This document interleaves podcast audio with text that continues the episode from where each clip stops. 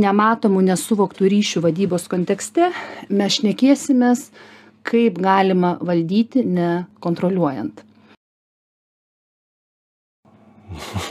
Jeigu suvokiu galiu juos valdyt kontroliuot galbūt. Jeigu nesuvokiu tai kaip ir lieka paraštėj už.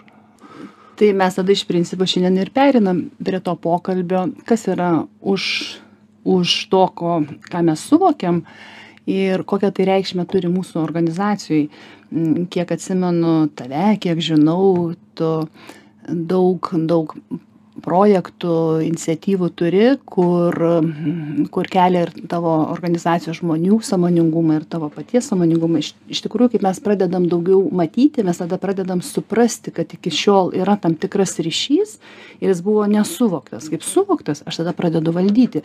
Lygiai tas pats atvejis kaip ir apie kontrolę kaip tu mėgsti sakyti ane nes mes dažniau suvokiam kad palei pareigybes mes kontroliuojam bet iš tikrųjų mes nė velnio nekontroliuojam. Jo gali būt iliuzija kad kontroliuojam.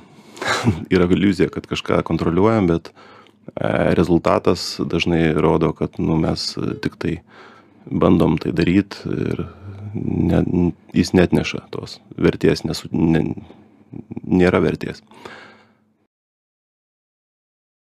ir turbūt e, čia gal ir skiriasi va tokios mechanistinės sistemos kuriose reikia išorinės energijos kad valdyt kon per kontrolės mechanizmą kas kas yra kontrolė tai yra papildoma energija išorinė energija.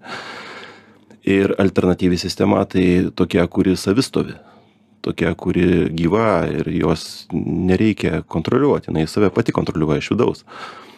Vienintelis dalykas ją e, reikia galbūt tiesiog suteikti sąlygas kaip gyvam augalui ar kažkokiam tai padarui gyvam e, būti, aukti, skleistis, klestėti, dalintis vaisiais. Grįžtam prie e, nematomų nesuvoktų ryšių ir prie to, ką tu darai su savo organizacijom. Man patinka vis e, išmokti vis naują žaidimą arba naują šokį. Viskas prasidėjo nuo prekybinių organizacijų, turėjau keletą mažmeninės prekybos didmeninės prekybos kurios iki šiol puikiai veikia.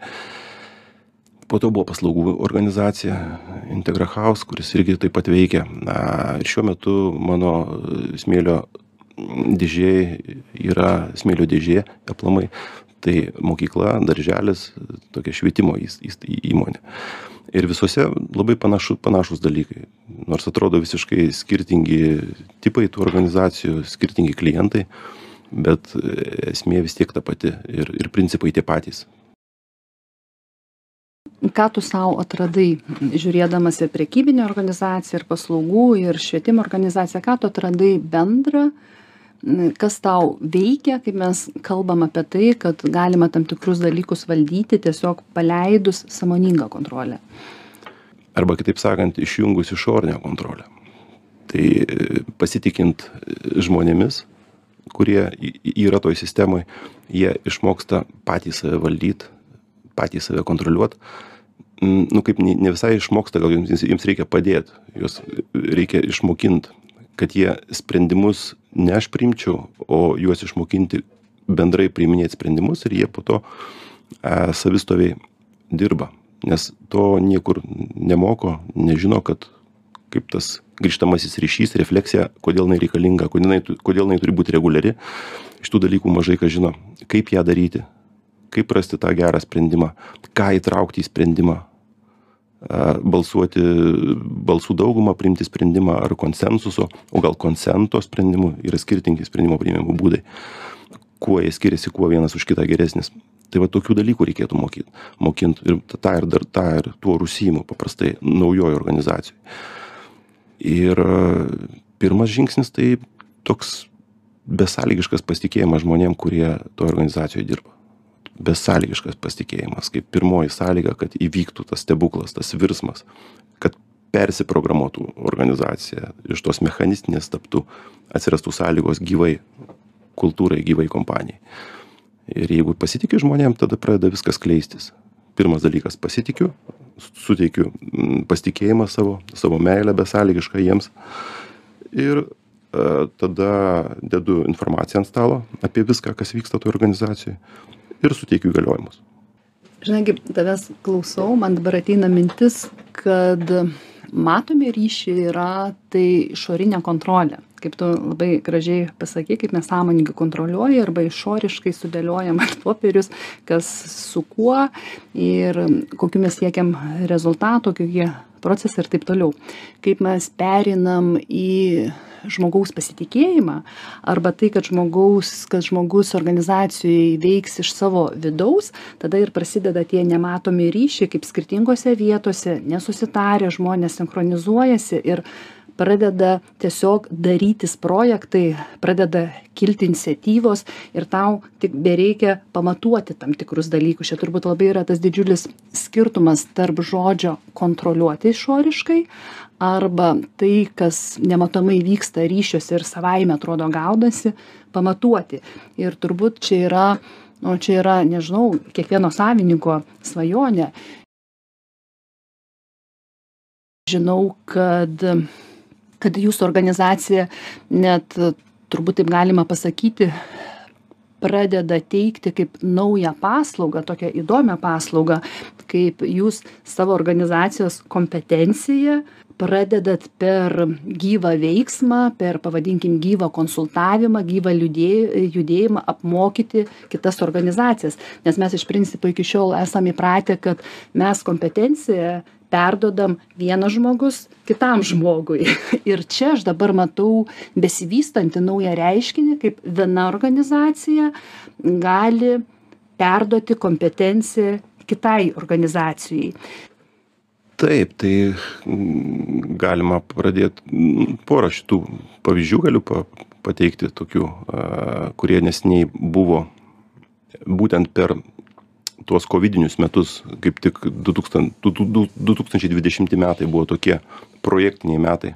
Galbūt kažkoks lūžis buvo rinkoj nežinau poreikis atsirado toks tai e, su viena organizacija buvo metų projektas ir jisai iš tikrųjų a, toks transformacinis buvo labai ir iš tokios pakankamai griežtos struktūruotos hierarchinės biudžetinės su biudžetais struktūros jie nu, kažkaip taip transformavosi į tokią paslankę, gyvą, su, su, su visai kitokia kultūra kompanija. Prireikė tam metų. Labai įdomu, kad e, finansiniai rezultatai stipriai labai pagerėjo tos kompanijos. Pavadinimas tos, to projekto buvo komandos įgalinimas.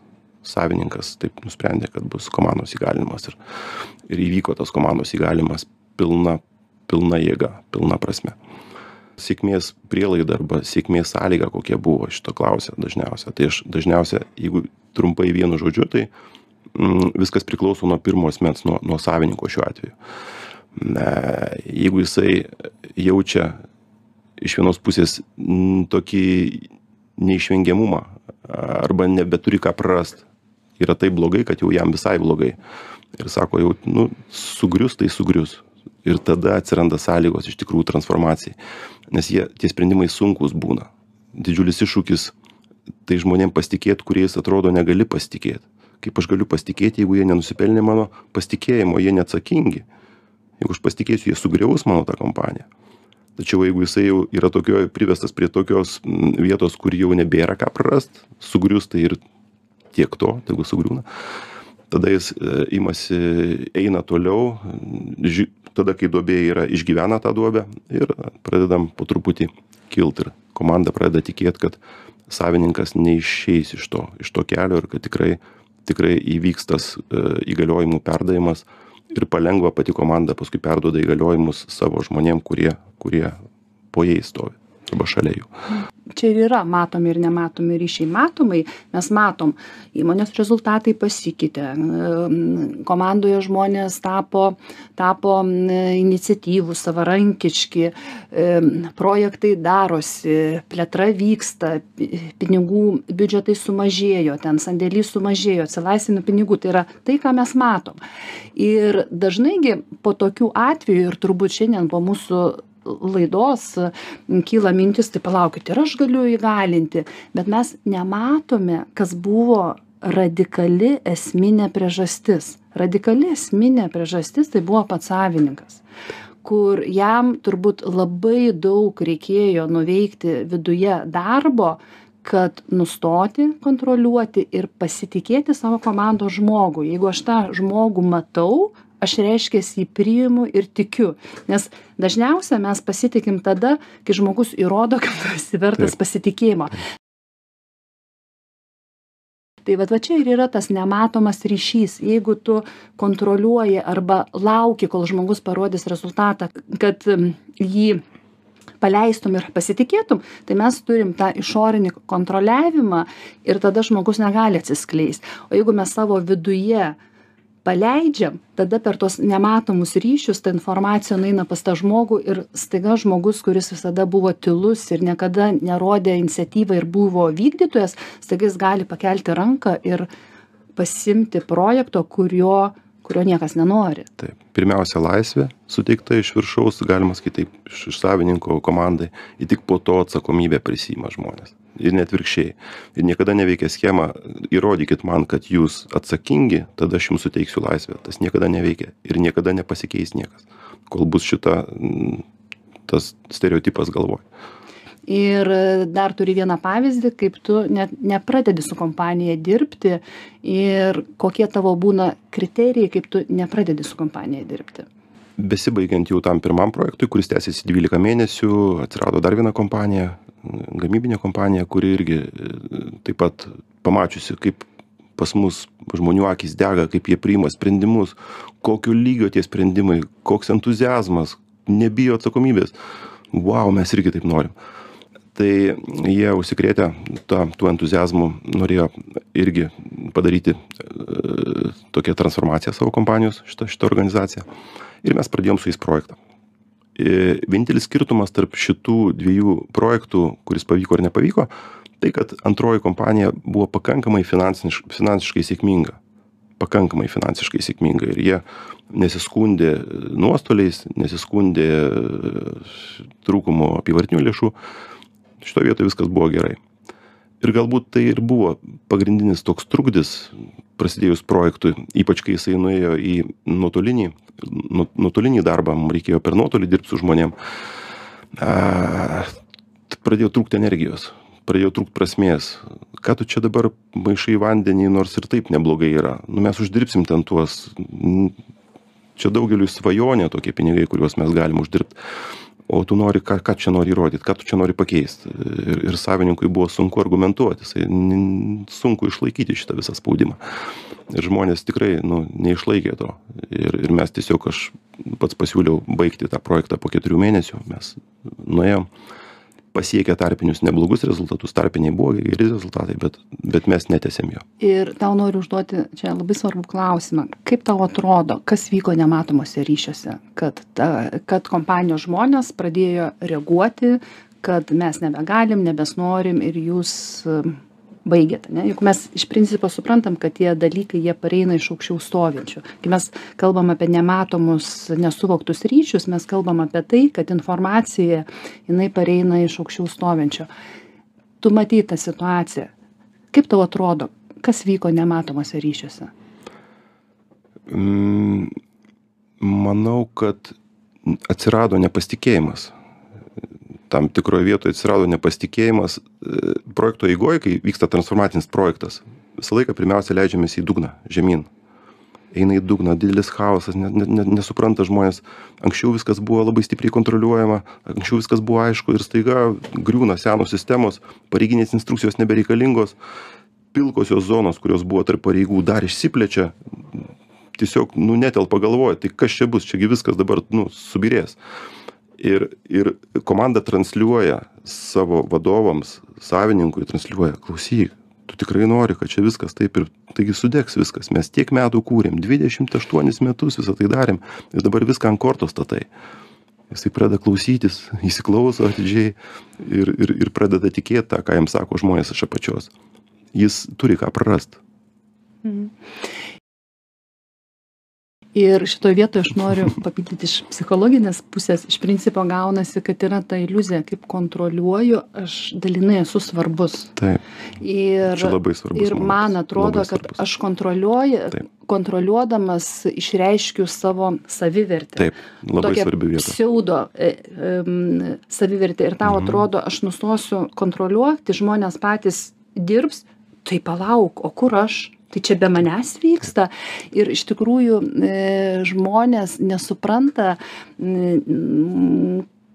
nesupranta to psichikos turbūt galima pasakyti reiškinio kad kas mūsų galvoj tas yra mūsų gyvenime kas vadovo savininko galvoj tas yra mūsų organizacijose nes organizacija tai Visiškai. yra vadovo socialinis kūnas Kūnas, taip. ir matyt toj vietoj jam nesuvoktai neįsisąmonintai iš vidaus buvo informacija o tai palauk tai viskas vyks be manęs. Ir to pasekoje tada žmonės pradėjo transliuot o tu ar nori betvarkės? O taip tai lyg tai žmonės jie transliuoja tai ką mes ką mes norim girdėti. Taip. pasakyk kažką tai ką tau norisi pasakyti žmonėms kurie klauso kurie galbūt mąsto čia sąmones mes kalbam nesąmones kalbam Visiškai nesąmonės. Ir e, aš norėčiau pakviesti klausytojus e, kartais būti ne, visa, ne visada būti racionaliais. Kartais yra dalykai, kurie yra iracionalūs. Ir kaip tik tie iracionalūs dalykai balansuoja mūsų gyvenimą. Jeigu mes tik tai racionalūs visą laiką visose gyvenimo situacijose, jis tampa toks pilkas ir trapus, jis toks nuobodus, neįdomus. O jeigu įsileidai sa- pas save šiek tiek tos, va, to minkštumo, tokio keisto, neracionalaus grūdo, tai ten gali visko atsirasti. Gali išaukti begalybė įdomių keistų dalykų ir gyvenimas nusispalvina naujom spalvom ir pasipuošia naujais kvapais.